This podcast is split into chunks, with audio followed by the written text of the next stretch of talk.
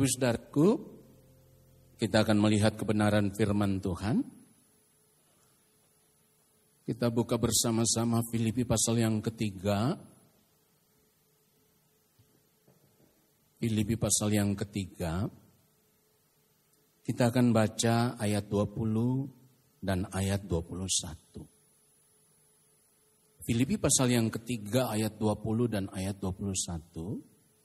Karena kewargaan kita adalah di dalam sorga. Dan dari situ juga kita menantikan Tuhan Yesus Kristus sebagai juru selamat. Ayat 21. Yang akan mengubah tubuh kita yang hina ini.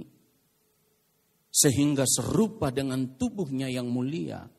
Menurut kuasanya yang dapat menaklukkan segala sesuatu kepada dirinya.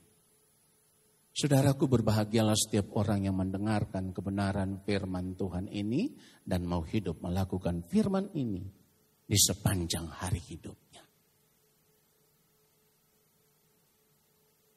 Bapak Ibu Saudara yang dikasihi oleh Tuhan Yesus Kristus. Kalau kita membaca kebenaran firman Tuhan ini, satu hal yang harus benar-benar kita sadari adalah kita bukan berasal dari dunia ini. Amin. Ini yang firman Tuhan katakan. Kita bukan berasal dari dunia ini. Karena seperti yang firman Tuhan katakan, kewargaan kita ada di dalam surga. Ini artinya kita memang benar-benar bukan berasal dari dunia ini. Kita hanya sementara di dunia ini. Tidak selamanya kita akan hidup di dunia ini dan kita tahu. Waktu hidup kita di dunia ini juga singkat. Ya saudaraku. Kalau kita tahu bahwa dunia ini bukanlah tempat kita yang sesungguhnya. Dunia ini bukan rumah kita yang sesungguhnya. Dunia ini bukan kediaman kita yang sesungguhnya. Yang menjadi pertanyaan yang harus kita jawab dengan jujur.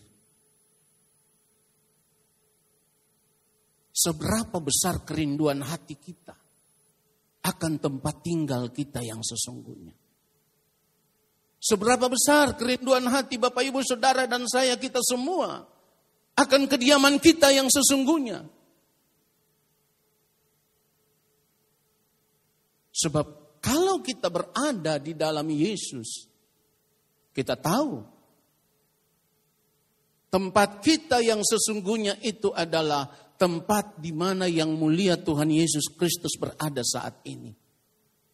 Yaitu di dalam kerajaan surga. Itu tempat kita yang sesungguhnya. Pertanyaan tadi, seberapa besar kerinduan hati kita akan tempat tinggal kita yang sesungguhnya? Ini harus kita jawab dengan jujur. Dan pertanyaan ini memang harus memaksa kita untuk menjawab dengan jujur. Kita harus memeriksa hati kita. Kita harus memeriksa keinginan diri kita. Kita harus memeriksa seluruh keberadaan hidup kita. Seberapa rindunya kita akan tempat tinggal kita yang sesungguhnya. Perhatikan itu saudaraku. Kita harus jawab dengan jujur. Sebab begini, jangan-jangan, jangan-jangan Selama ini karena kita sudah terlalu merasa nyaman tinggal di dunia ini, kita sudah terlalu merasa aman, kita sudah terlalu merasa bahwa apa yang kita miliki itu cukup membahagiakan kita. Sehingga kita sama sekali sudah tidak pernah memikirkan lagi tempat tinggal kita yang sesungguhnya. Itulah kenapa saya katakan Seberapa besar kerinduan kita akan tempat tinggal kita yang sesungguhnya. Kalau kita tidak pernah memikirkan akan hal ini, dengar ini saudaraku. Kalau kita tidak pernah serius memikirkan akan hal ini, itu berarti kita tidak pernah merindukan kerajaan sorga. Itu berarti kita tidak pernah merindukan rumah Allah Bapa di sorga. Itu berarti kita tidak pernah merindukan Allah. Jadi tadi kalau saya katakan, saya paksa saudara, periksa seluruh keberadaan hidup kita, seberapa besar kerinduan hati kita akan Tuhan. Akan tempat tinggal kita yang sesungguhnya. Kita harus jujur menjawab dari kedalaman hati kita. Dan Tuhan tahu apa yang ada di dalam hati saudara dan saya. Apakah saudara benar-benar merindukan dia atau tidak? Tuhan tahu. Tidak ada yang tersembunyi di hadapan Tuhan, saudaraku. Tidak ada yang tersembunyi. Ya. Bapak Ibu, benarkah kita merindukan Tuhan? Seberapa banyak kita yang merindukan Tuhan? Mari saya tanya, mari angkat tanganmu. Seberapa banyak? Kenapa? Ragu-ragu.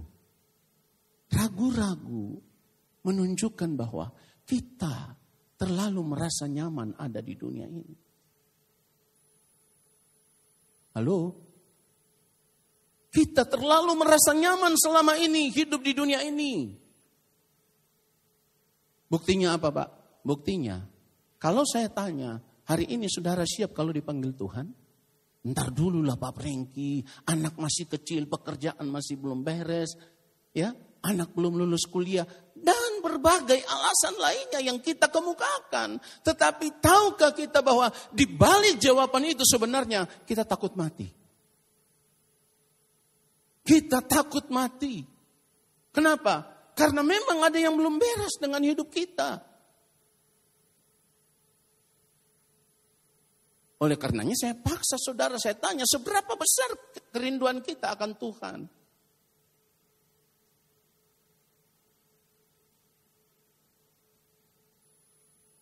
Saudaraku, ayo periksa hidup kita.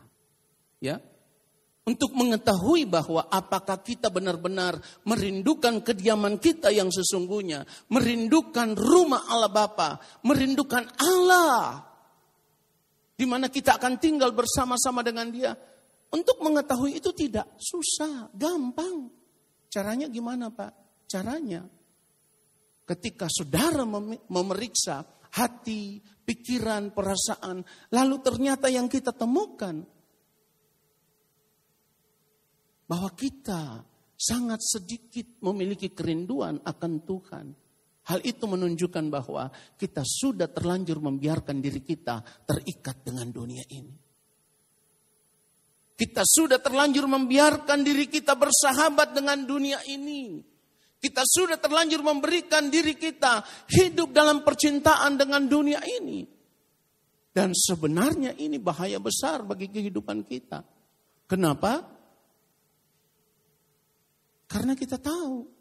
Sebagai orang percaya seharusnya kita mengerti bahwa persahabatan dengan dunia adalah permusuhan dengan Allah. Perhatikan itu. Jadi kalau saat ini kita memeriksa hati kita, ya, memeriksa segenap kehidupan kita, lalu ternyata yang kita temukan Kecil sekali, sedikit sekali kerinduan kita akan Tuhan. Itu menunjukkan bahwa kita tidak serius dengan Tuhan selama ini. Ya. Orang yang tidak serius dengan Tuhan sejak di dunia ini, sampai di kekekalan pun dia tidak akan pernah dikenal oleh Tuhan. Dengar itu.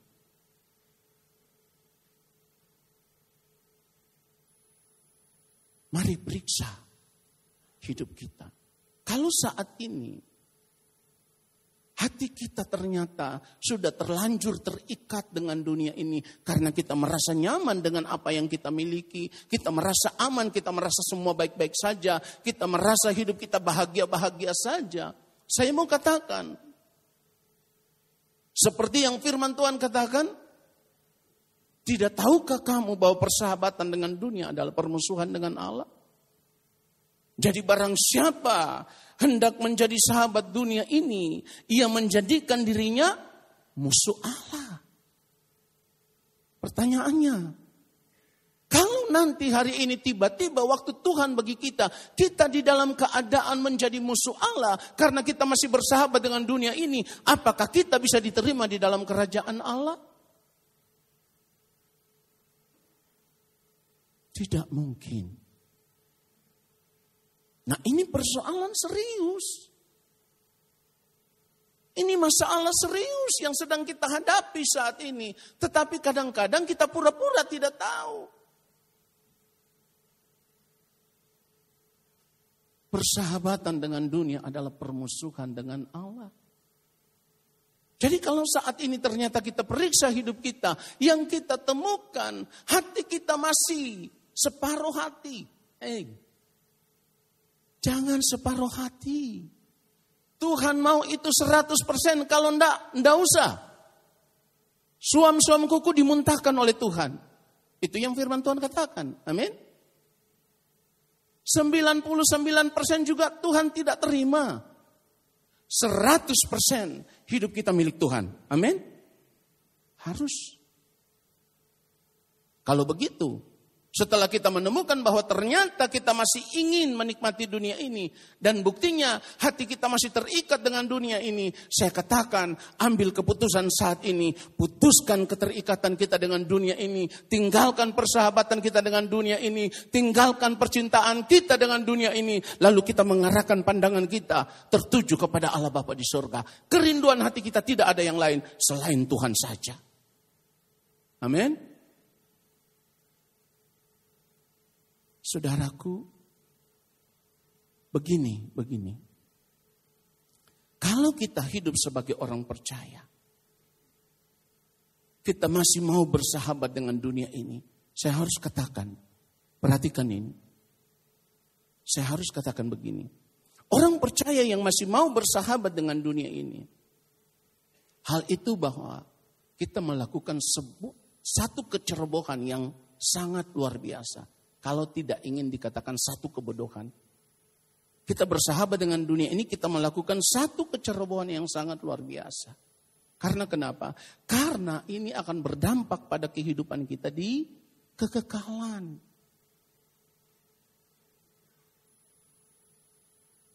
Saya berkata begini, seharusnya kita merasa terdesak. Kita merasa krisis. Kenapa? Karena kita tidak pernah tahu waktu Tuhan atas hidup kita. Kalau hari ini waktu itu tiba bagaimana? Kalau kita ditemukan dalam keadaan tidak berkenan. Tadi kita sudah dengar persahabatan dengan dunia adalah permusuhan dengan Allah. Amin. Jangan pura-pura nggak tahu. Musuh Allah bisa tinggal di dalam kerajaan sorga bersama-sama dengan Allah? Tidak. Jangan melakukan kecerobohan yang akan mendatangkan bahaya atas kehidupan kita di kekekalan, saudaraku. Sebagai orang percaya kan seharusnya kita mengerti bahwa dunia ini sedang lenyap dengan keinginannya. Bahkan pada ayat firman Tuhan yang lain dikatakan bahwa pada hari itu langit akan lenyap dengan gemuruh yang dahsyat dan unsur-unsur dunia akan hangus dalam nyala api. Perhatikan itu. Dan bumi dan segala yang ada di atasnya akan hilang lenyap. Kalau kita tidak mau berubah sebelum waktu itu tiba. Dan ketika waktu itu tiba, kita akan binasa. Kita hangus di dalam nyala api. Tetapi kalau seperti ini kan saudara tidak mau. Pak, kita sudah menerima kasih karunia Allah, pasti selamat. Kalau ada hamba Tuhan yang katakan, kita sudah menerima kasih karunia Allah, hidup saja menikmati dunia ini, nanti mati pasti selamat. Saya katakan, itu menyesatkan saudara. Kasih karunia Allah itu tanggung jawab yang harus kita jaga. Amin. Kasih karunia Allah itu adalah tanggung jawab yang harus kita kerjakan. Kerjakanlah keselamatanmu dengan takut dan gentar. Jadi jangan jangan sampai ya kita membodohi diri kita sendiri, saudaraku. Jika kita tahu ya, jika kita tahu bahwa Masa hidup kita di dunia ini suatu saat nanti pasti berakhir. Lalu kita tidak mempersiapkan hidup kita sejak saat ini. Saya katakan tadi, jangan sampai kita melakukan satu kecerobohan yang terbesar. Ini kalau tidak mau dikatakan melakukan satu kebodohan. Tetapi kalau saat itu tiba dan hidup kita tidak berkenan, memang itu memang benar-benar kita terlalu bodoh. Maaf kata saya harus katakan ini. Dan apa yang kita lakukan itu saudaraku, itu dapat membahayakan kehidupan kita di kekekalan. Dampak dari kecerobohan kita itu membahayakan kehidupan kita di kekekalan. Itu tidak bisa kita hindari, saudaraku. Tidak bisa kita hindari. Jadi saat ini mari kita semua sadar, ya, kita semua siuman, jangan tertidur lagi, ya. Begini saudaraku, kalau di bumi ini saja ada bencana yang terjadi, ya ada musibah yang terjadi. Entah itu bencana alamnya dalam bentuk gempa bumi, banjir, dan lain-lainnya. Yang dinamakan bencana itu semua orang pasti mencari tempat perlindungan supaya bisa selamat. Amin. Semua pasti mencari tempat perlindungan supaya bisa selamat, supaya tidak, supaya terhindar dari bencana itu, tidak mengalami kecelakaan. Nah, kalau di dunia ini saja bencana seperti itu, kita mau mencari tempat perlindungan supaya kita bisa selamat. Mengapa kita tidak memikirkan bahwa di kekekalan itu, apa yang akan kita hadapi itu tidak bisa dihindari. Tidak bisa. Berdiri di hadapan Tuhan, kalau akhirnya hidup kita tidak ditemukan berkenan di hadapan Allah Bapa di sorga, kita ditolak oleh Allah. Kita ditolak oleh Allah saudaraku. Dan ini tidak bisa kita hindari. Perhatikan itu saudaraku. Tidak bisa. Jadi saat ini lebih daripada apa pun persoalan hidup yang kita hadapi. Saya paksa kita semua. Untuk memikirkan masa depan kehidupan kita di kekekalan lebih daripada apa pun. Amin. Harus. Jangan sampai saudara tutup mata, saudara baru ngomong sama Tuhan, Tuhan kan di Pluit tidak pernah dengar hamba Tuhan berbicara seperti itu. Hari ini saya sampaikan, persiapkan hidupmu untuk menghadap Tuhan. Amin. Hari ini saya menantang kita semua. Seberapa besar kerinduan hati kita akan tempat tinggal kita yang sesungguhnya. Seberapa besar hati kita merindukan Tuhan.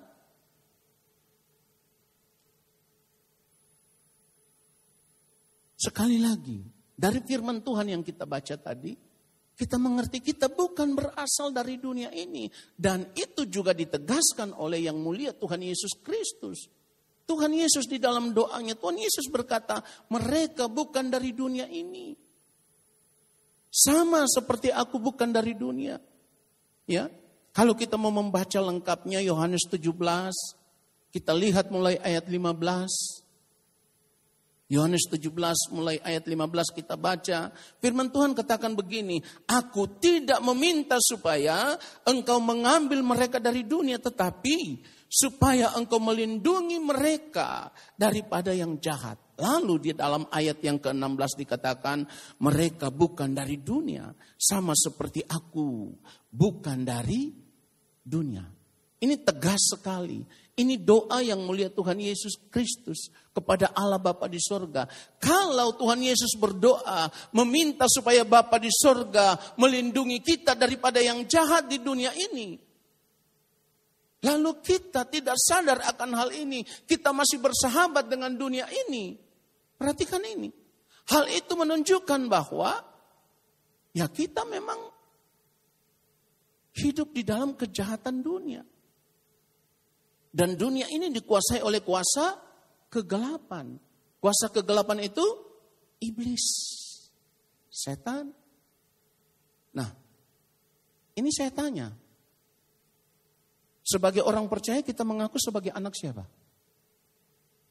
Halo? Sebagai orang percaya kita mengaku sebagai anak Tuhan. Amin. Semua pasti ngaku anak Tuhan. Apakah anak Tuhan harus hidup sama seperti dunia ini? Tidak bisa. Di dalam Yesus kita diselamatkan supaya kita dipisahkan, kudus, dipisahkan dari dunia ini. Lalu kalau saat ini kita masih membiarkan hati kita tetap bersahabat dengan dunia ini, kita anak Tuhan apa anak setan? Kalau ngomong begini kan saudara merasa, loh kok sampai kayak gitu? Ya iya, saya pelan-pelan. Kalau kita masih bersahabat dengan dunia ini, bercinta dengan dunia ini, ingat firman Tuhan tadi katakan apa? Persahabatan dengan dunia adalah permusuhan dengan garis bawahi kata permusuhan dengan Allah. Dunia ini penuh dengan kejahatan. Kalau kita bersahabat dengan dunia ini berarti kita larut di dalam kejahatan dunia ini. Lalu kalau saya tanya, kita hidup dalam kejahatan dunia, apakah itu gambaran dari anak-anak Tuhan? Kalau kayak begini nggak mau ngaku. Saya tetap anak Tuhan. Anak Tuhan harus kudus seperti Bapaknya yang di sorga kudus.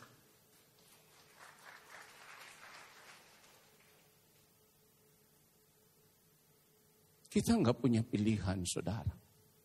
Nggak punya. Saya paksa diri saya secara pribadi.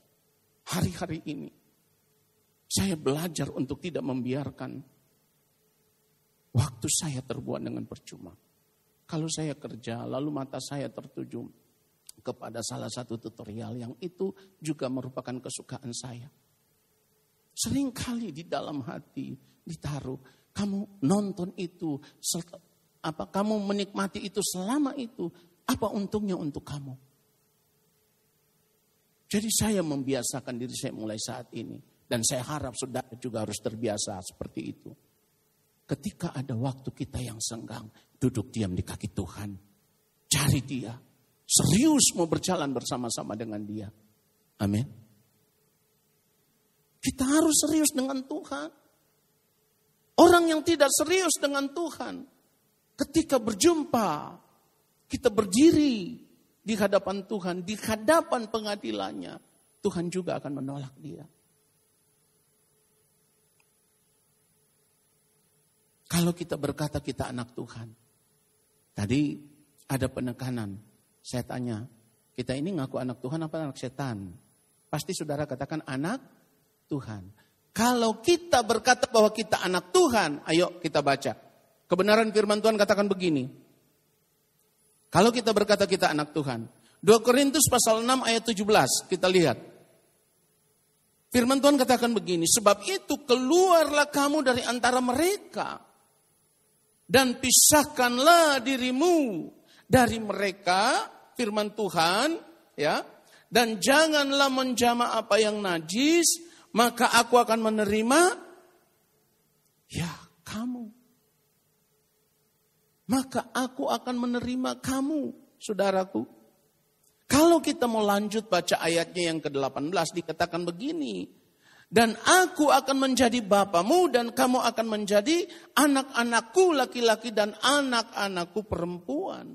Demikianlah firman Tuhan yang maha kuasa. Jadi kalau kita tidak mau pisahkan diri kita dari dunia ini, kita tetap bersahabat dengan dunia ini, kita tidak akan diakui sebagai anak-anak Allah. Saudara dan saya suka atau tidak suka, ini kebenaran yang tidak bisa kita bantah. Keluarlah kamu dari antara mereka. Artinya jangan engkau terlibat di situ. Jangan hidup sama seperti dunia ini. Itulah kenapa firman Tuhan juga berkata gini, perhatikanlah dengan saksama bagaimana kamu hidup. Perhatikan itu saudaraku. Ayo, seberapa serius kita periksa hidup kita. Apakah hidup kita ini sudah berkenan di hadapan Tuhan atau belum? Seberapa serius?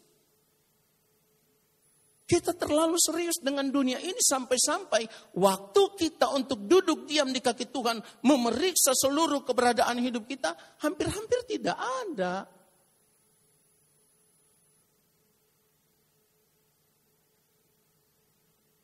Kemarin ini saya bicara di Gajah Mada hari Kamis, saya katakan satu kalimat begini. Karena kalimat ini saya sudah saya sering kali pakai ketika saya bikin konten untuk channel YouTube saya, saya sekali katakan begini, ingat, dan saudara harus ingat ini, ingat, api neraka tidak pernah padam.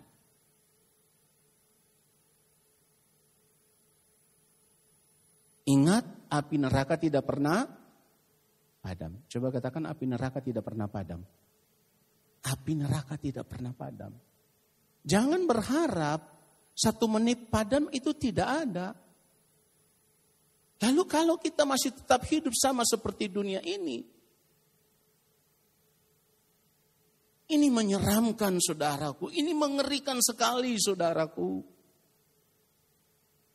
Mengerikan sekali. Kita harus berubah. Amin. Harus. Harus berubah. Saudaraku, kalau tadi kita tahu bahwa masa hidup kita di dunia ini sangat singkat. Kita harus serius. Karena apa? Orang yang sudah memberikan segenap hidupnya untuk melayani Tuhan seperti Rasul Paulus.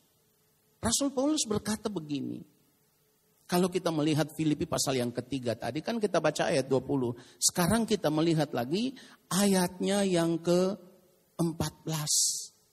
Dikatakan begini. Dan berlari-lari kepada tujuan untuk memperoleh hadiah yaitu panggilan surgawi dari Allah dalam Kristus Yesus. Oke, supaya biar lengkap kita baca dari ayat 13.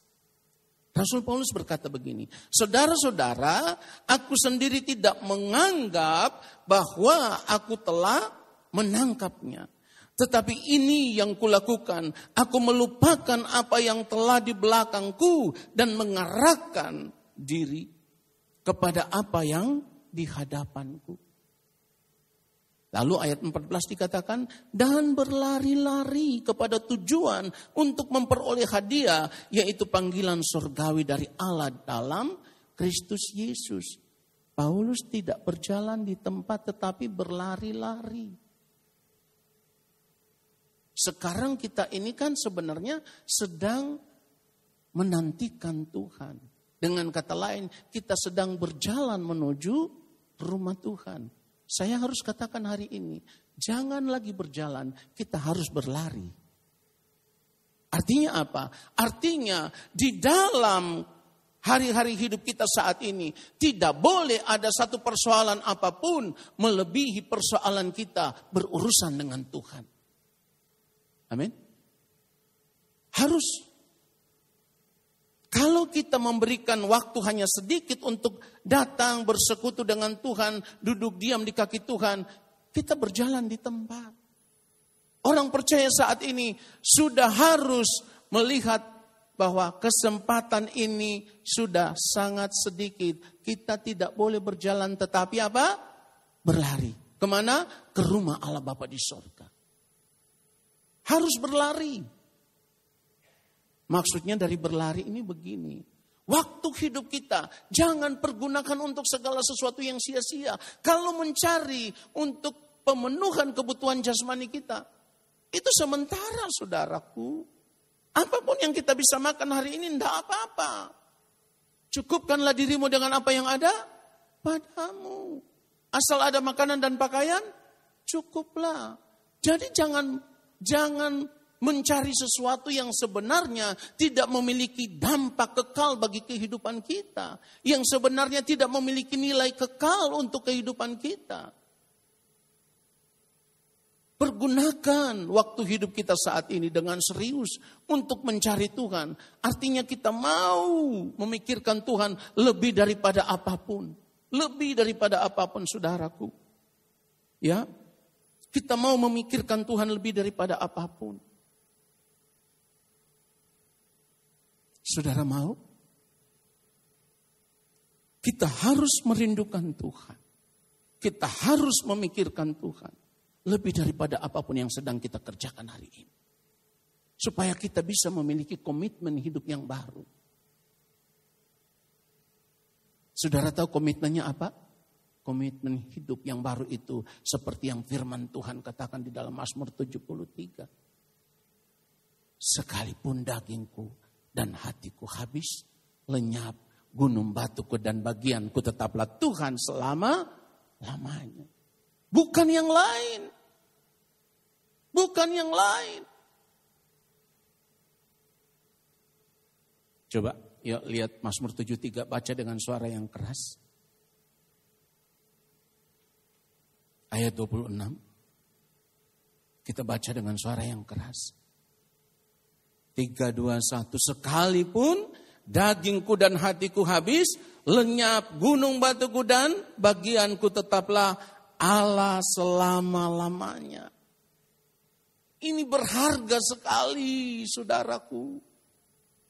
Ini bernilai kekal. Ini harta kekayaan kita yang sesungguhnya lebih dari apa pun yang kita miliki saat ini. Seberapa banyak yang saudara miliki saat ini? Saya harus katakan, tidak ada satupun yang saudara bawa. Ketika terbujur kaku di dalam peti, tidak ada yang berharga yang saudara nilai ini berharga. Oh ini miliaran. Tidak ada yang saudara bawa. Semua ditinggalkan. Semua akan hilang lenyap. Semua akan hangus di dalam nyala api. Tetapi kalau saudara membawa hati yang mengasihi Tuhan. Saudara tahu bagianku tetaplah Allah selama-lamanya. Amin. Kita mau berubah. Harus. Itulah kenapa Rasul Paulus juga berkata, sebab itu aku tidak berlari tanpa tujuan. Aku tidak berlari tanpa tujuan. Saudara dan saya pun saat ini harus berkata, kita tidak berlari tanpa tujuan. Mulai detik ini kita tahu tujuan hidup kita yang sesungguhnya berlari ke rumah Allah Bapa di sorga. Karena di sana kita akan menikmati kemuliaan kekal bersama-sama dengan yang mulia Tuhan Yesus Kristus di dalam kerajaan Allah Bapa di sorga. Amin. Karena Tuhan Yesus berkata apa? Di rumah Bapakku banyak tempat tinggal. Aku pergi ke situ untuk menyediakan tempat itu bagimu. Setelah aku sudah menyediakan, aku akan kembali dan membawa kamu. Supaya di mana aku berada, di situ pun kamu berada. Saudara mau bersama dengan Tuhan. Masih mau jadi anak Tuhan? Jangan beribadah satu jam setengah di sini. Duduk kita amin, kita nyanyi puji Tuhan. Kita keluar kelakuan kita tidak berubah sama dengan dunia ini. Berarti bukan anak Tuhan. Anak siapa? Bukan saya yang ngomong. Itu firman ini saudaraku pergi ke sana tetapi kembali juga ke sini. Jangan pikir bahwa pendeta ini sudah benar. Pendeta ini sudah sempurna, belum. Saya harus tegaskan, siapa pun hamba Tuhan, belum. Tetapi mari bersama-sama kita berjuang untuk menjadi sempurna. Karena panggilan kita sebagai anak-anak Allah adalah panggilan untuk mencapai kesempurnaan hidup. Sama seperti Bapak di sorga yang adalah sempurna, kita harus sempurna. Amin.